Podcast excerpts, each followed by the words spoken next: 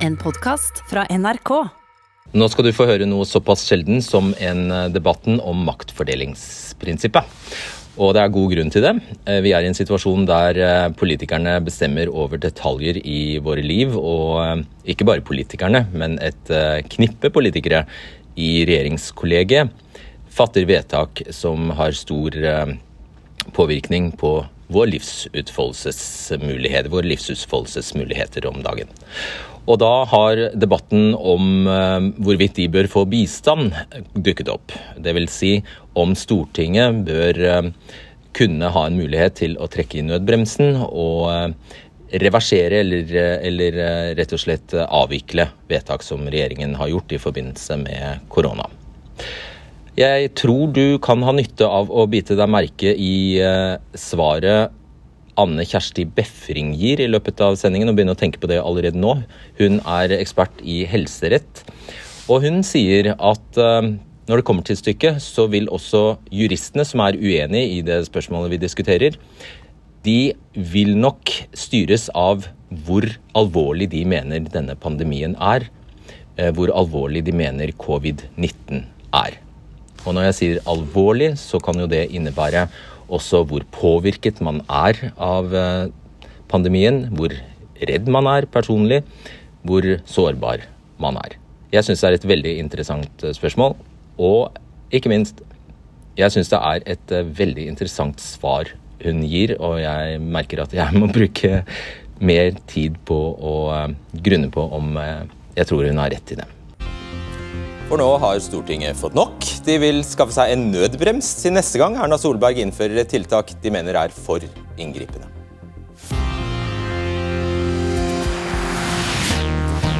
Vel møtt til debatten. Det Kan ikke være så veldig inspirerende å være landets øverste folkevalgte om dagen.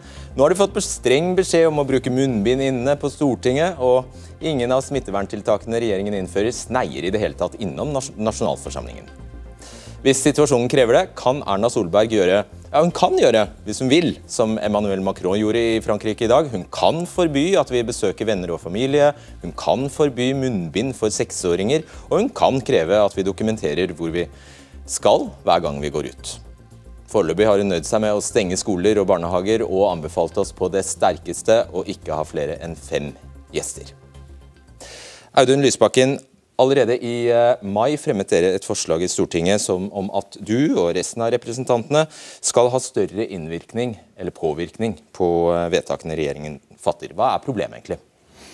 Vi har heldigvis en lov som gir eh, regjeringen handlekraft til å handle mot smitte. og Det står vi jo alle sammen bak. Det er viktig at rådene følges. Det er viktig at vi kan sette i verk strenge tiltak. Eh, men det er òg eh, viktig å huske på at når eh, vi griper inn så dypt i helt grunnleggende friheter og rettigheter for folk, stenge næringer, stenge skoler, begrense hvor mange mennesker som kan møtes, så er det svært, altså dypt politiske beslutninger som vi nå har et lovverk som samler makten over på veldig få hender. For regjeringen har svært vide fullmakter, i realiteten et uh, maktmonopol. Uh, og vi mener at denne loven er godt tilpasset en kortvarig krise, men den er ikke så godt tilpasset en sånn langvarig krise som vi står i nå.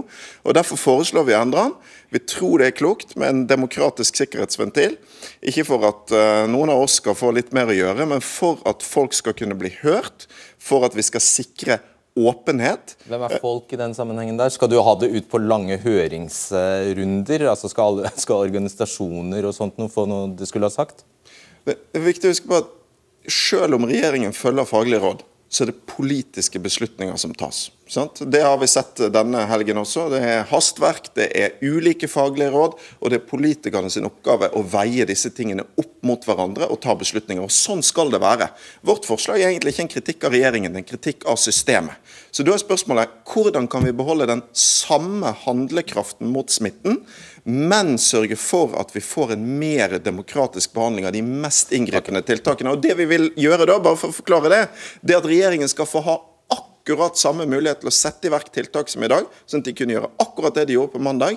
Men så skal forslagene da sendes til Stortinget etterpå, sånn at Stortinget kan gjennomgå det, sånn at folk og næringer kan bli hørt, og sånn at en eventuelt kan gjøre om på ting sånn at dere kan som slår feil det ut. etter noen dager, Hvis, for å si det enkelt. hvis det skulle gå galt, og dette er jo dypt alvorlige spørsmål for folk i landet, og derfor så er det nødvendig.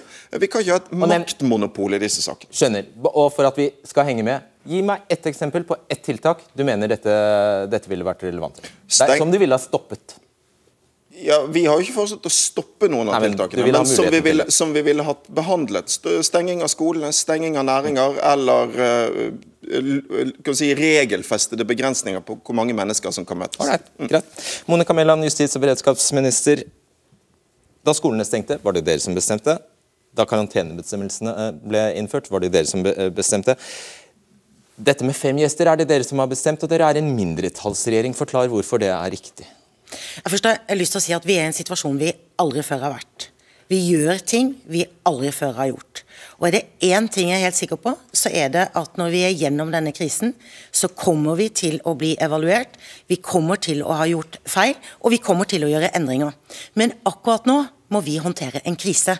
Det må vi alle gjøre, eh, og da må vi følge de lover og regler og det planverket vi har. Eh, Og Da er det viktig at vi kan fatte de beslutningene som vi mener er riktig her og nå, basert på den beste kunnskapen vi har. Basert på faglige råd, men helt riktig som Lysbakken sier, basert på en totalvurdering av situasjonen. Så dere trenger faktisk ikke råd fra noen dere? Fra Ja. de øvrige på Stortinget? Jeg, jeg mener det er en sunn demokratisk refleks eh, å ønske å diskutere og involveres i denne helt historisk vanskelige situasjonen. Men jeg mener samtidig det er ganske viktig at vi nå holder hodet kaldt og hjertet varmt og følger de lover og regler, det planverket vi har. Da kan du svare på det jeg spurte om. Dere trenger faktisk ikke rådene til stortingsrepresentanten. Ja, nå har jo Stortinget vært involvert i en rekke saker. Vi har hatt masse lovbehandling, både i vår og nå i høst. Eh, helseministeren har hatt to redegjørelser hvor Stortinget ja, du har helt diskutert. Du vet jo hva saken gjelder. De vil ha en hånd på ratten, rattet. De vil ha muligheten til å stanse deres forslag. Det de ønsker, at vi nå, midt i en krise, skal diskutere endringer i et av de viktigste regelverkene vi har. Jeg er helt åpen for at vi kan gjøre endringer i det regelverket, men da skal vi gjøre det etter krisen, når vi har evaluert. Hva hvis krisen varer i årevis?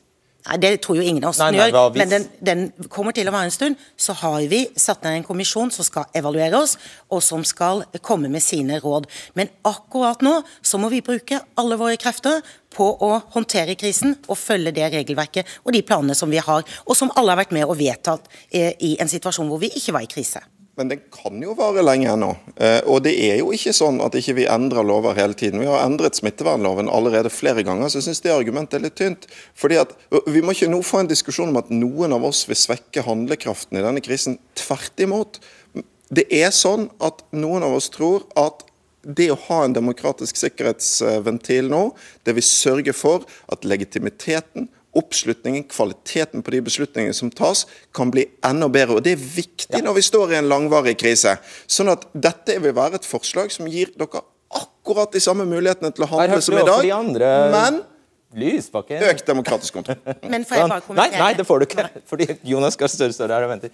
Eh, er du enig med Lysbakken i at grensen er nådd, og eh, vi trenger å endre loven? Er du Jeg synes syns Audun Lysbakken setter veldig gode ord på det dilemmaet som oppstår når alle beslutningene tas ett sted, og temaet om forankring kommer inn. Vi fra Arbeiderpartiet mener vi ikke bør begynne lovarbeidet midt i krisen. Der er jeg enig med justisministeren. Vi får ta det etterpå. Men jeg har lyst på å si Nei, det var jo altså, Så Jo. du er enig med han, men Nei, samtidig skal, faller du ned på konklusjon? Nei, men vi, vi går ikke inn for å endre loven nå, når vi står midt i krisen. Det er svaret mitt på det. Men så skal jeg si avhengigheten for at vi skal lykkes med dugnaden, at tiltakene skal virke, at folk skal følge dem, er at det er bred oppslutning. Og nå er vi langt inne i en krise som kan vare mye lenger enn nå. Det tas stadig veldig inngripende tiltak. Og det er da vi mener regjeringen må oftere til Stortinget forklare vedtakene den tar, ta imot spørsmål, bli hørt.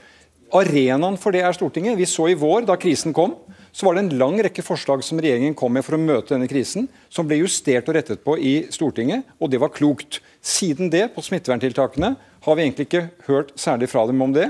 Og Derfor ønsker vi Stortinget Vi har jo involvert. pressekonferanse hver eneste dag, jo. Det Jo, kan vi men jo se. Vi er jo ikke på pressekonferansen. Der er du, Fredrik Solvang.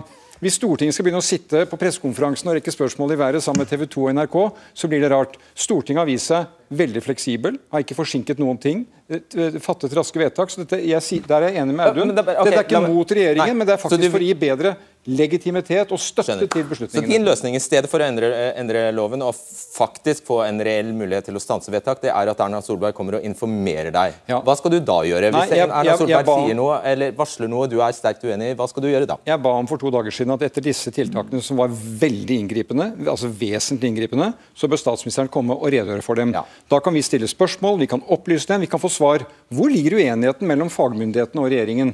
Hvilke politiske vurderinger har regjeringen gjort? Men da, har ikke du, nå avbryter jeg, beklager, men har ikke du som politi politiker, leder for Stortingets største parti, et, et, et, ikke bare en lyst, men en eh, trang til faktisk å gjøre noe annet enn å bare sitte og stille spørsmål? Det Jo, men altså, vi, vi, skal, vi skal følge lovene, og det er en smittevernlov som gir regjeringen fullmakt til å gjøre ting. Poenget mitt er, hvis det skal være oppslutning om dem, så er det klokt at Stortinget er inne, blir opplyst, får stilt spørsmål. Vi er folkets representanter, vi får tilbakemelding fra kommunene alle steder. Så jeg syns det er klokt at regjeringen kommer ofte til Stortinget når det er inngripende. Og så skal vi snakke om kanskje sendingen også, Fredrik. og det er at Her treffer vi vedtak for å begrense smitten, og det er viktig. Det som også er maktpåliggende, det er å diskutere hva er konsekvensen for alle som blir rammet av tiltakene. Som blir sårbare. og Det er noe som Stortinget kan sette søkelys på. og Det får vi tilbakemeldinger for hele tiden, og det hører med. og I dag får det for lite oppmerksomhet. Yes. Det kommer vi til. Større, Kjell Ingolf Ropstad, du er altså barne- og familieminister. Ditt parti ja, eh, sitter i regjering fordi dere fikk knappe, eller drøyt 4 oppslutning. Er, dere har altså fire statsråder, eh, utgjør et kollegium på 20 personer. Er altså disse 20 personene som nå sitter og vedtar alle disse svært inngripende tiltakene i våre liv, rett og slett nordmenns liv. Hadde det ikke vært en fordel om du kunne utvide horisonten med 169 andre pers personer, og hadde ikke det vært riktig, egentlig? Altså, for det første så er det jo Stortinget, de 169, som vel i fjor vedtok denne loven, og som ga regjeringa de fullmaktene, fordi at den i noen kriser Noen er nødt til å handle angrer nå, Ja, og jeg vil jo gi honnør til Lysbakken for å reise en viktig debatt, men vi som regjering er jo samla i de vurderingene som justisministeren har sagt. Nettopp at det, det jeg er mest opptatt av akkurat nå, det er å håndtere kriser, det er å redde liv og helse. Det er de sårbare, enten det er barn eller eldre, som lider av det. Og Derfor så mener jeg at det er feil tidspunkt. og jeg mener jo er erfaring- tidspunkt? Jeg mener at det er etter krisa, som justisministeren er var inne på. Det, det, altså Forhåpentligvis så tror jeg at vaksinen kommer over nyttår. Den rulles ut, og kanskje om et år så vil det være en helt annen situasjon. Men og så vet vi at vent Kommisjonen skal legge fram en Ja, eh, evaluering av krisa. Og vi har jo vært opptatt av, som, som Monica jo sier, vi kommer helt sikkert til å gjøre ting som er feil. Eh, Vi er i et usikkert farvann. Kunnskapene er kommet til underveis. Og Derfor skal vi ta lærdom av det, og da skal vi gjøre justeringer. det er bra du nevner det, fordi dere har nedsatt et, et evalueringsutvalg, og de skal legge fram rapporten sin i mars. La oss si at det er tidenes topp, bank i bordet, men at koronatoppen da inntreffer i mars 2021. Når koronakonvensjonen skal legge fram sin rapport, hva gjør du da? For da eh, vil det være et rett tidspunkt å begynne å evaluere dere på? Altså, da tror jeg jo Stortinget kommer til å være enig, og jeg vil understreke det. Jeg har hatt et veldig godt samarbeid med Stortinget. Jeg sjøl kunne møtt både åpen redegjørelse, men også hatt diskusjoner med komiteen. Og jeg vil si at Opposisjonen har jo vært på tilbudssida, har losa gjennom viktige krisepakker sammen med regjeringa. Det, det synes jeg er noe av Stortinget og Norge på sitt beste. Så hvis vi er i en virkelig ille situasjon i mars, så tror jeg det er ingen som er interessert i at Justisdepartementet skal bruke alle sine krefter på å endre loven. Da er det å redde liv og helse, sikre at de sårbare får den hjelpa de trenger. Og så er det en viktig debatt som blir tatt. Og, jeg opplever det samarbeidet vi har, og vi kan gjerne komme enda mer til Stortinget for å redegjøre. Men da er jo ikke den kommisjonen heller den milepælen du sa det nettopp var. Nei, det tror jeg er når krisa er over. Når vi har klart å slå ned viruset, okay. klarer å komme over i en helt annen situasjon, som jeg har stor tro på at vi skal klare når vaksina òg kommer. Da skal vi ha en eh, siste kvinne her. Eh, Kjersti Toppe, du er helsepolitisk talsperson i Senterpartiet. Hva mener du om eh, SVs forslag? Jeg syns at eh, SV sitt eh, forslag er veldig bra, eh, men Senterpartiet kommer heller ikke til å gå inn for det eh, akkurat eh, nå. eh, For vi mener òg at eh, vi må se på den totale revisjonen av lova når eh, koronakommisjonen har levert eh, sin rapport. Eh, Men vi mener at eh, det er jo ingenting i veien i dagens lovverk for at regjeringen kan fremme en sak eh, til Stortinget, eh, spesielt når det har blitt gjort eh, særlig store inngripende tiltak, eh, som f.eks. i vår, når en realiteten gjerne stengte ned landet, største nedstengingen siden andre verdenskrig, uten at uh, Stortinget var involvert. Da kunne uh, regjeringa ha fremma en sak ja, og, og for alle som ikke har hovedfag i statsvitenskap, hva betyr det? Hva innebærer det at regjeringen fremmer en sak? Du, hvis, du veldig, hvis Senterpartiet var veldig uenig i det tiltaket da, hva skulle dere ha gjort for å stanse det eller reversere det? Mm. Nei, altså Det viktigste med å få en sak, er jo at du kan få en demokratisk eh, behandling. At eh, regjeringen kan høre hva opposisjonen vil. For de òg har vel interesse av, av, at slike store inngripende tiltak er vel forankra i den folkevalgte forsamling. Og så tenker jeg at dersom det er eh, noen konfliktområder, så har jo opposisjonen en mulighet til å eh, kunne eh, fremme et, eh, et forslag om en spesiell sak. Men det viktigste med å få en sak til behandling, er jo at du kan få den arenaen for å diskutere det, som er store litt samfunnsmessige konsekvenser av, av, av altså når en tar i, bruk eh, smittevernlova. Men okay. Eh, vi mener jo òg at en må altså det, det, er ikke sånn om det er nødvendig med en revisjon av smittevernlova. Det, det, vet vi allerede nok om nå. Vi, og vi kommer til å fremme forslag allerede nå om at det må skje en fullstendig revisjon av smittevernlova når koronakommisjonen har levert sin rapport. Om det da fremdeles er en stor smitte i landet, så mener jeg at eh, da kan en begynne på det lovarbeidet. For da har en i alle fall en god del erfaring. Større. I kriseledelse så er det viktig på et nasjonalt nivå at eh, vi støtter opp om de tiltakene. Og Det tror jeg er viktig at folk oppfatter det. I vår så var det viktig for oss å få slått fast at informasjonen som helsemyndighetene kom med, ble tilgjengelig. At den ble offentliggjort. For vi opplevde at det var et informasjonsmonopol på regjeringens side. Vi ble sittende og se på beslutninger var tatt uten at kunnskapen var ute. Nå er det offentlig, det ligger tilgjengelig, vi kan følge med på det. Og så var det jo, jeg kommer tilbake igjen til det, Da vi tok veldig viktige vedtak i vår, så fikk vi jo fasiten på at mange av forslagene fra regjeringen, fremmet i beste mening, ikke var de som ble vedtatt. Og det er en mindretallsregjering, slik at Stortingets arbeid gjorde forslagene bedre. På permittering, på sosiale tiltak, på treffsikre tiltak for næringer. Nå er vi over i en type nedstengning som rammer folk i sine daglige liv. Hjemme, på jobben. De får ikke tilsyn. Og da er det, mener igjen, med en mindretallsregjering, Den bør komme til Stortinget når det er inngripende, orientere om det. og Da kan Stortinget om nødvendig, for flertallet ligger der, fremme forslag som regjeringen må følge. Ikke for å forsinke noe, men for å styrke oppslutningen om de vedtakene som fattes. Det kommer jo, det kommer jo for en dag i dag. Det, det, er, det er, statsministeren eh, villig til. Så da er saken, da saken biff? da?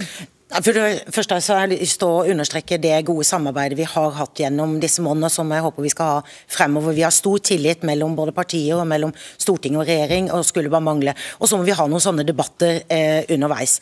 Eh, Stortinget har jo, når Kjersti Toppe etterlyser saker, så har jo eh, helseministeren to ganger hatt redegjørelser i, i, Stortinget som gjør at Stortinget har diskutert helheten eh, i situasjonen. Og de eksemplene eh, Gahr Støre trekker frem her, knyttet til permitteringer det er jo nettopp saker som har vært fremmet for Stortinget. For I tillegg til lovbehandling, så har jo alle de økonomiske pakkene, alle eh, forslag knyttet til eh, å håndtere situasjonen eh, økonomisk, de har vært ja, fremmet for Stortinget. Men Det er jo fordi bevilgningsspørsmål tilligger Stortinget. Ja, men det er jo veldig viktig at det gjør. Ja, men Det skulle jo bare mangle. Ja, men det er jo et eksempel på at Stortinget nettopp er involvert og diskuterer eh, og gjør endringer basert på det. Men, men, det vi diskuterer her eh, med SV, det er egentlig om vi nå skal sette oss ned midt i en krise og gjøre lovarbeid, lovendringer.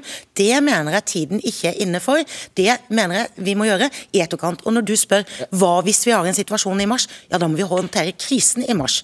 Eh, det må være fokuset vårt. Og så må vi i etterkant av denne situasjonen evaluere og gjøre endringer som vi mener, basert på den evalueringen, at det er nødvendig. Trekk pusten, trekk pusten, fordi Hans Petter Graver er en av landets fremste jurister. Han er professor ved Institutt for privatrett ved Universitetet i Oslo, og jeg snakket med ham for litt siden. Da var han i Bergen. Og jeg spurte Graver hva han syns om dette SV-forslaget. Jeg syns nå, etter hvert som eh, situasjonen har stabilisert seg, at det blir mer problematisk at eh, regjeringen treffer eh, de vedtakene den gjør, uten at man følger ordinære prosedyrer og involverer Stortinget. Betyr det at du mener det høres fornuftig ut å gi Stortinget en anledning til å trekke nødbremsen? Jeg syns det, og kanskje ikke først og fremst fordi Stortinget må kunne trekke en nødbrems. Eh, men eh, Eh, slik som det er nå, så blir det stadig økende innslag av eh, politiske vurderinger i de tiltakene som eh, vedtas. Man må foreta avveininger, og konsekvensene av dem blir mer inngripende etter hvert som tiden går. Og Da blir det viktigere etter mitt syn både at man har en forutgående prosess som involverer offentligheten, Eh, og at man gir en skriftlig begrunnelse og redegjørelse for eh, de politiske og faglige overveininger som regjeringen har foretatt. Eh, og Det vil jo måtte skje hvis Stortinget skal involveres. Men det kan da umulig være viktigere enn å faktisk bli kvitt viruset og epidemien? Jeg tror det vi ser nå, begynnelsen på i Norge, og vi ser det i hvert fall i en rekke andre land, det er at legitimiteten til de tiltakene som uh, iverksettes, uh, blir gjenstand for større diskusjon. Uh, og Det vil jo også påvirke effektiviteten av dem. For hvis folk ikke forstår dem, eller mener at de er truffet over hodet på, på, på folk, og uten at de som blir berørt har hatt en mulighet til å forsvare og, og, fremme sine interesser, så, så, så, tror jeg at de blir mindre effektive. Mm. Du peker spesielt på to kommunale tiltak, men som har sine, sin hjemmel i forskrift fra regjeringen, nemlig munnbindpåbud og påbud om hjemmekontor. Hva er problematisk med disse tiltakene?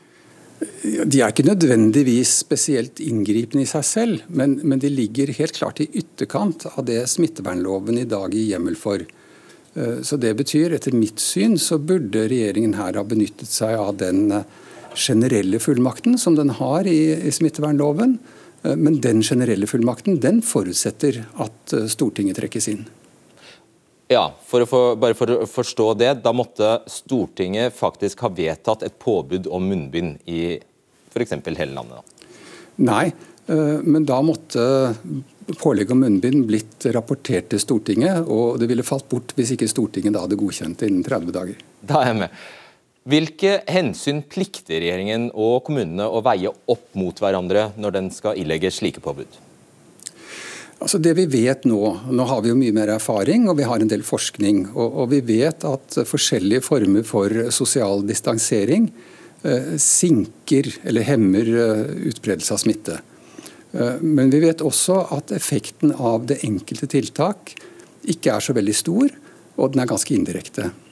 Eh, og det, det, betyr jo da at eh, det blir stadig mer innslag av rene politiske vurderinger, både med hensyn til eh, hvilke tiltak man skal treffe, på hvilke områder, og avveiningen mot andre typer av interesser. Sånn at her burde regjeringen, og det gjør den sikkert også, trekke inn mer brede politiske avveininger i vurderingen av hvilke tiltak den skal ha. Og Det har jo i og for seg også kommet frem nå i diskusjonen om at eh, ikke alle tiltakene er i samsvar med de faglige rådene de har fått. og Det er helt legitimt at det er politiske vurderinger her. Men når det er politiske vurderinger, så bør man følge de vanlige politiske prosessene. I smittevernloven står det at citat, smitteverntiltak etter loven skal være basert på en klar medisinskfaglig begrunnelse, skal være nødvendig av hensyn til smittevernet og fremstå tjenlig etter en helhetsvurdering. Ved iverksettelse av smitteverntiltak skal det legges vekt på frivillig medvirkning fra den eller de tiltaket gjelder. Eh, hvilke av disse kravene mener du ikke er innfridd når det gjelder munnbindpåbud og hjemmekontorpåbud? Loven har i og for seg to typer av krav til hjemmel. Det ene er eh, hva slags type tiltak man i det hele tatt kan iverksette. Det følger av paragraf 4-1 og 4-3 i loven. Eh, og Det andre er det, som du nevner, at tiltakene må være nødvendige og proporsjonale. Eh, og Når det gjelder munnbind og Eh, hjemmekontor, så kan det godt tenkes at det er nødvendig og proporsjonalt, eh, men de ligger da i ytterkanten av den typen tiltak som loven i det hele tatt gir adgang til å fastsette.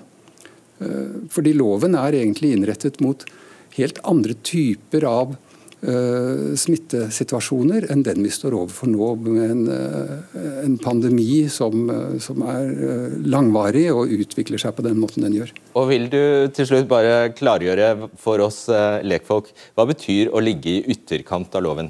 Er det ikke enten innenfor eller utenfor? Nei, altså Når jurister tolker en lov, så, så, ser de jo dels på ordlyden, og dette ligger klart utenfor ordlyden, men de ser også på lovens formål, og de ser på, på hvilket område det er snakk om. Så det er en bredere avveining. Så det kan tenkes at en, eh, et tiltak kan være det vi kaller hjemlet i loven, selv om ikke det ligger inn under ordlyden. Men hvis man leser ordlyden i smittevernlovens paragraf 4-1, så er det veldig vanskelig Eh, og ut fra en vanlig språklig forståelse å si at den gir hjemmel for disse tiltakene. Tusen takk skal du ha, professor Graver. Anne Kjersti Befring, du er ekspert på eh, helserett og førsteamanuensis ved Institutt for offentlig rett ved Universitetet i Oslo. La oss begynne bakfra. Hva syns du om det eh, Graver sier om eh, munnbind og hjemmekontor her? Jeg mener at eh, pålegget om munnbind ligger helt innenfor kjerneområdet i smittevernloven. Så der er vi uenige. Eh, og så hører jeg at det er fort gjort her å blande mellom den myndigheten som ligger til regjeringen, og myndigheten som ligger i Helsedirektoratet, og myndigheten som ligger i kommunene. Når vi snakker om den kommunale myndighet, og at de treffer vedtak om pålegg av munnbind, da er det vanskelig for regjeringen å gå til Stortinget og få endret det. Fordi her har jo Stortinget valgt i lov å legge myndigheten direkte til kommunene. Ja, hva betyr det egentlig? At selv om, altså, eh, hva, betyr, hva betyr det du sa nå? Ja, det, det, det betyr det er at det er ikke bare regjeringen som har fått myndighet av Stortinget i lov. Det er også Helsedirektoratet. Og det var Helsedirektoratet som traff vedtakene 12.3. Eh, og så har jo kommunene også fått vedtak. Og det vi ser nå, er at kommunene går inn og pålegger vedtak om munnbind. Jeg fikk selv det på telefonen i dag. At nå er det pålegg om munnbind eh, det er et mye mindre inngripende vedtak enn det kommunene faktisk kan treffe. Eh, man kan stenge all offentlig kommunikasjon. Det er bedre da å pålegge munnbind, og så kan du la offentlig kommunikasjon fortsette som før. Så Det er en sånn sammenblanding her. Og så har jeg lyst til å si en ting til. og det er jo at Smittevernloven lever ikke i et vakuum. Smittevernloven er jo resultatet av langvarig historie med epidemier, for den bygger på sunnhetsloven fra 1860. Og så er den resultatet av internasjonalt samarbeid. Så mange av de bestemmelsene og mekanismene i loven det bygger på at WHO treffer vedtak om, eller sender ut en erklæring om at nå har vi en pandemi. Og så utløser det forpliktelser for Norge til å iverksette tiltak. Og dette har Stortinget godkjent. Nettopp. Og bare for å minne om Det det bærende prinsippet i bl.a. denne loven da, er at helse kommer først. Og Et sånt tiltak som munnbind, da, det man, det man da skal vurdere, det er om det, om det kan gi en helsegevinst. Ikke for de som bærer det, selvfølgelig, men de som kan bli smittet. Ja. Så du må bygge på en faglig vurdering. Er det faglige begrunnelser for å bruke munnbind, så er det et veldig lite inngrep. På to ord om det SV-forslaget. For der, ja. der, mener jo Graver det er en god idé. Hva mener ja. du?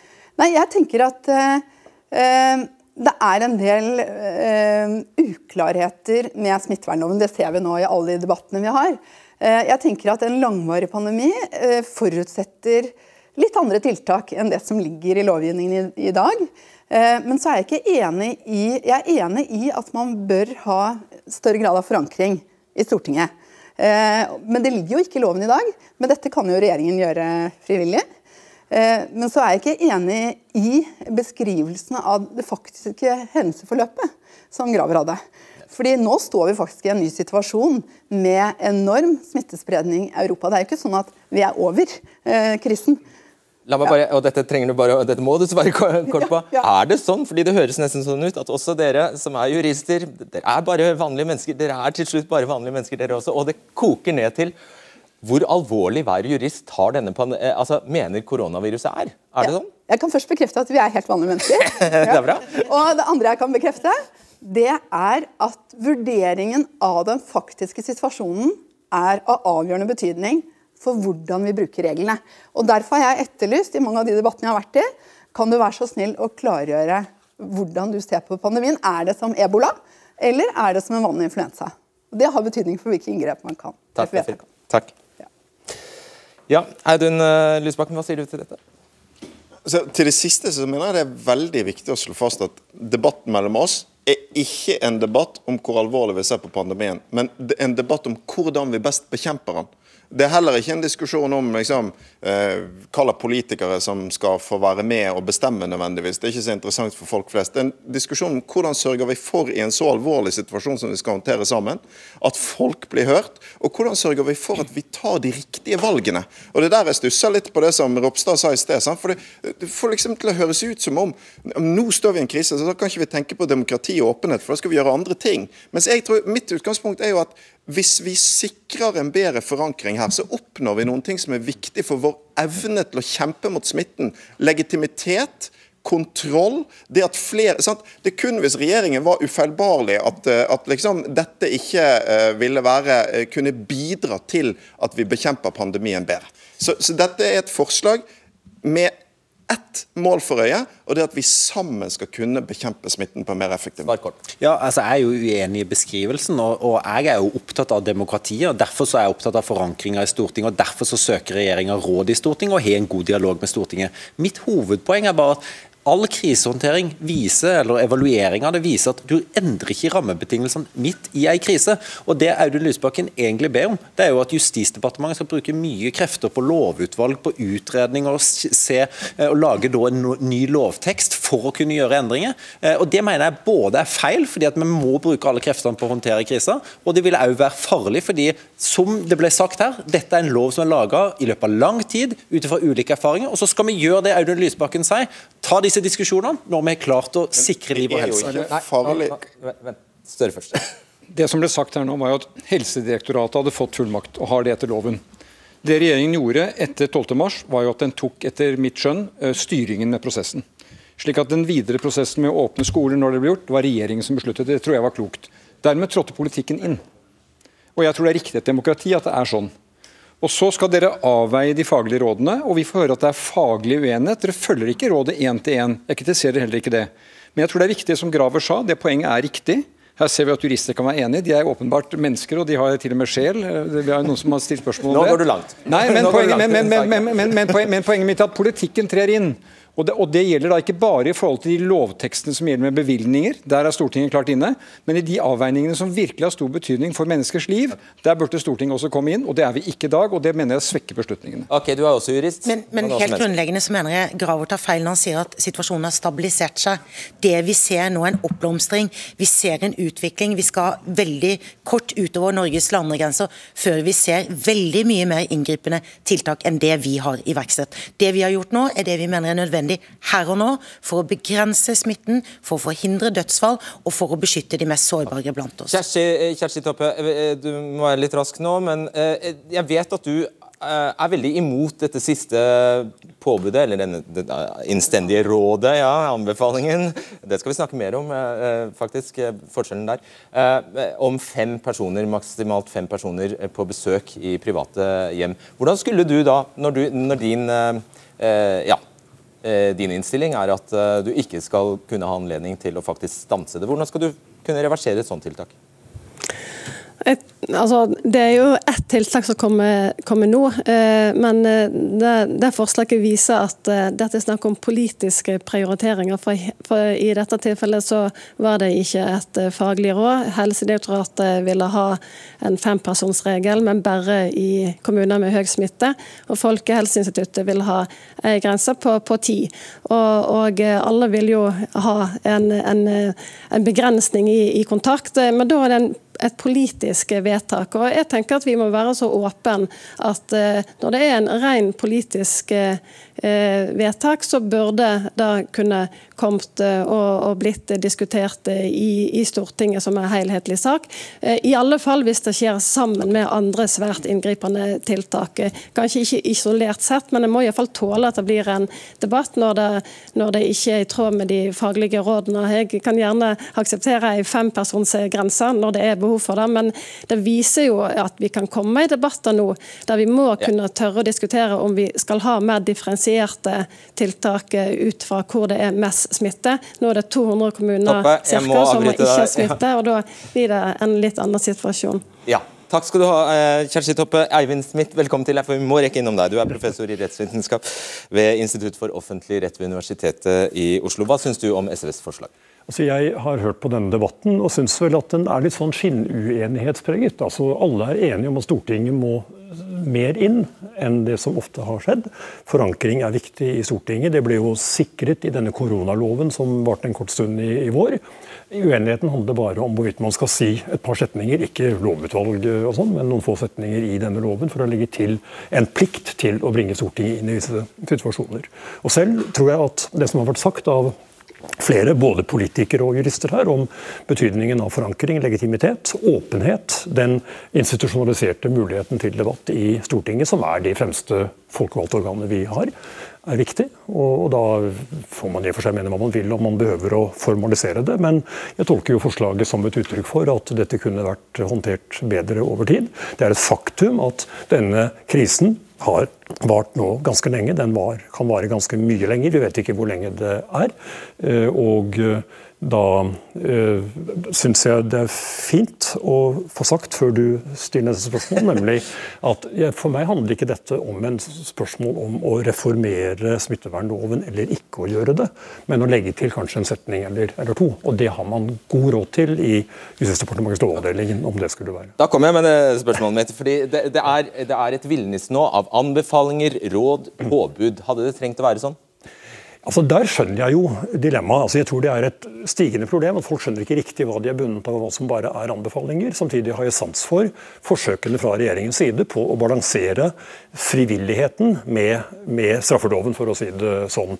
Så jeg er ikke rede til å kritisere det i og for seg, men jeg tror man skal være veldig var for å ikke skape ytterligere forvirring om dette. For det vil true helheten i dette systemet. Så må man begynne å google om det man driver med er straffbart. Det må man antagelig allerede nå, hvis man virkelig tar det på alvor. Og det håper jeg at de gjør, men, men de fleste googler ikke om sånt. Ok, vet du hva? Jeg, vi lar det være punktum for denne, for denne runden. Takk skal du ha.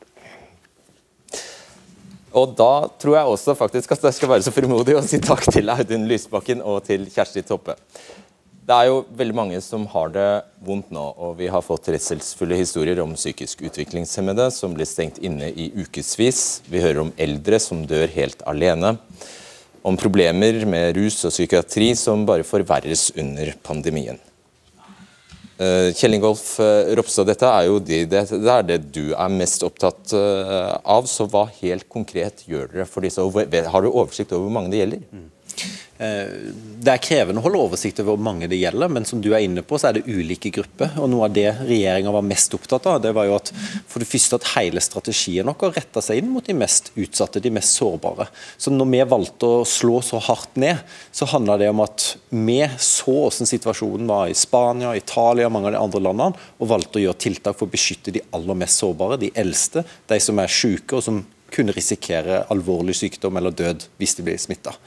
Så sa vi at konsekvensene av disse tiltakene kan også få dramatiske følger for sårbare barn, for sårbare eldre, andre grupper.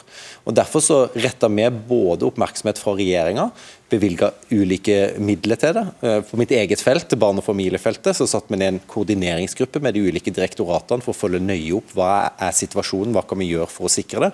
Og så har vi bevilga store summer til kommunene sammen med Stortinget for å sikre at de òg kan følge opp det viktige arbeidet her, enten det er på eldreinstitusjoner, besøke eldre hjemme eller ta vare på de mest sårbare ungene. Likevel, Jonas Gahr dette er det du har vært mest opptatt av uh, i, det, i, det, siste, nettopp de, det du kaller de, de sårbare.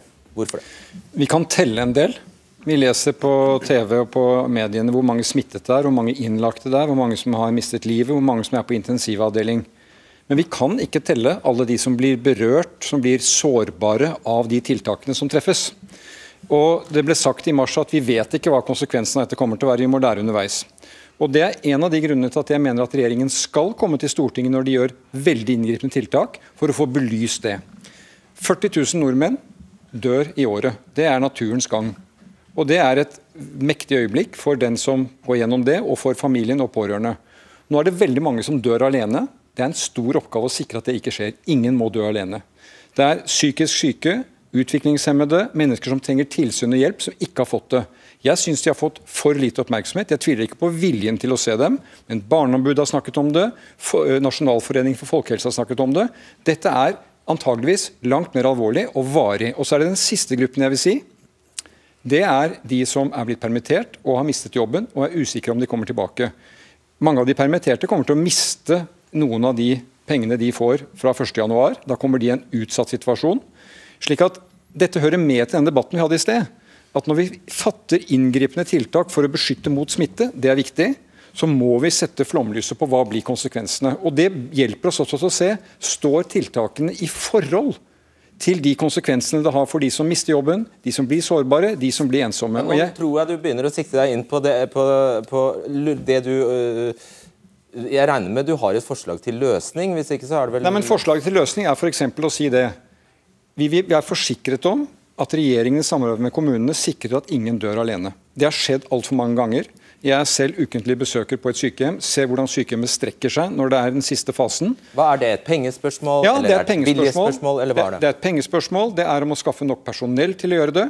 I forhold til psykisk utviklingshemmede, funksjonshemmede som trenger tilsyn, det er å sikre at de er helt trygge på at det tilsynet kommer og ikke uteblir av en eller annen sikkerhetshensyn. Da må vi sørge for at de har nok smittevernutstyr til å kunne gjøre de jobbene. Mm. Så Det er en lang rekke ting vi har lært, og det er en av grunnene til at vi må få denne debatten opp, også i Stortinget. Monica Melland, du... Uh Helt, altså nå, det kan hende dette ikke er ditt felt, så det kan hende det er, eh, er urimelig. Men men jeg, prøver meg. Det er, eh, Barneombudet er ute igjen og etterlyser beredskapsplaner for hvordan sårbare barn kan ivaretas når potensielt voldelige foreldre er hjemme døgnet rundt. Altså når stadig flere blir eh, permittert. Hva slags beredskapsplan finnes for slike barn? Jeg kan love én ting, og det er at dette var det aller vanskeligste i mars, når vi stengte ned. Det var det som var det virkelig vanskelige. Det var hvem går dette utover. Vi vet at sårbare barn Eh, ofte har det vanskelig hjemme, og at de skulle tilbringe mer tid der. Eh, jeg tror jeg på dag to eh, ringte barne- og familieministeren og spurte hvordan vi skulle håndtere dette. Dag tre tror jeg ringte Barneombudet for å spørre hva vi skulle iverksette. Og så har vi altså fortløpende hatt møter med fylkesmennene. De har fylkesberedskapsråd der kommunene møter. Og av temaene, Et av de temaene vi har hatt oppe på hvert eneste møte, det er hvordan vi sikrer at kommunene følger opp, at barnevernstjenesten følger opp sårbare barn og unge. Og Der vet vi at kommunene var ulikt forberedt. Noen kommuner hadde god oversikt over situasjonen, andre ikke så god. Men dette er fryktelig vanskelig. Og så har jeg lyst til å si det er jo en av grunnene til at vi f.eks. nå sa eh, vi anbefaler ingen å ha mer enn fem hjemme hos seg. En, det er et enkelt budskap som alle kan forholde seg til. Vi vet at veldig mange smittes i nærkontakt med sine nærmeste. Eh, og enten man er i en kommune med eller uten smitte, så fungerer dette. Og det er jo fordi vi ønsker så fort som mulig å åpne opp igjen. Eh, sånn at de eldre kan få besøk, sånn at ingen skal dø alene, og sånn at vi skal slippe å gå til ytterligere tiltak. Det handler nettopp om å beskytte de mest sårbare, og derfor så er det helt riktig. Det er en politisk beslutning, faglig begrunnet i helse, men en totalvurdering av hvordan vi ønsker å håndtere en situasjon raskere eh, enn vi hadde gjort hvis vi ikke ba alle følge disse rådene. Ropstad, Vi vet at eh, helsesykepleierne i skolen er helt vesentlige vesentlig for å avdekke vold og problemer blant eh, barn. Mange av dem er satt til å spore smitte i stedet. Hvorfor sørger du ikke for at de kommer seg tilbake i skolen? Vi har jo vært veldig tydelige på nettopp den problematikken, og derfor bevilga vi og Stortinget òg eh, ekstra midler i vår, nettopp for at kommunene skulle ha mulighet til å kunne sikre at det var andre enn helsesykepleierne som ble omprioritert fra så viktig oppgave over til smittesporing. Så for så vidt er jo en viktig oppgave, men at det var andre som tok seg av den. Og som Monica sier, noe av det første vi òg sammen gjorde, det var jo nettopp å se på hvilke planer og strategier skal vi ha framover.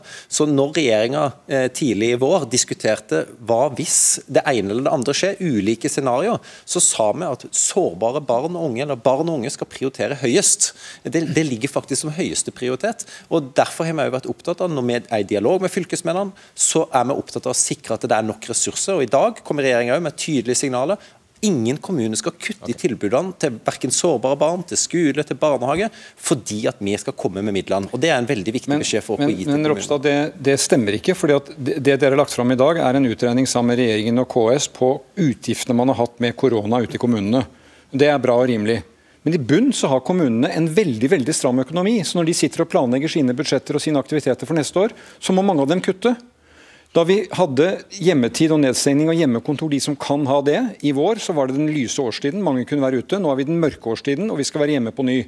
Og Jeg er urolig det jeg hører fra mange kommuner som sier at oppfølgingsmulighetene for å følge opp de ungene at lærere har kapasitet til det. De lærerne som heroisk ringte hjem, sjekket at ungene var pålogget, eh, de kniper allerede nå. Derfor er vårt klare budskap kommunene må kompenseres for koronautgifter, men kommuneøkonomien som er et veldig trist ord, men som dekker de varmeste tingene i livet. For det er ungene våre, det er oppveksten, det er de eldre. Den må være eh, videre enn den regjeringen har vedtatt.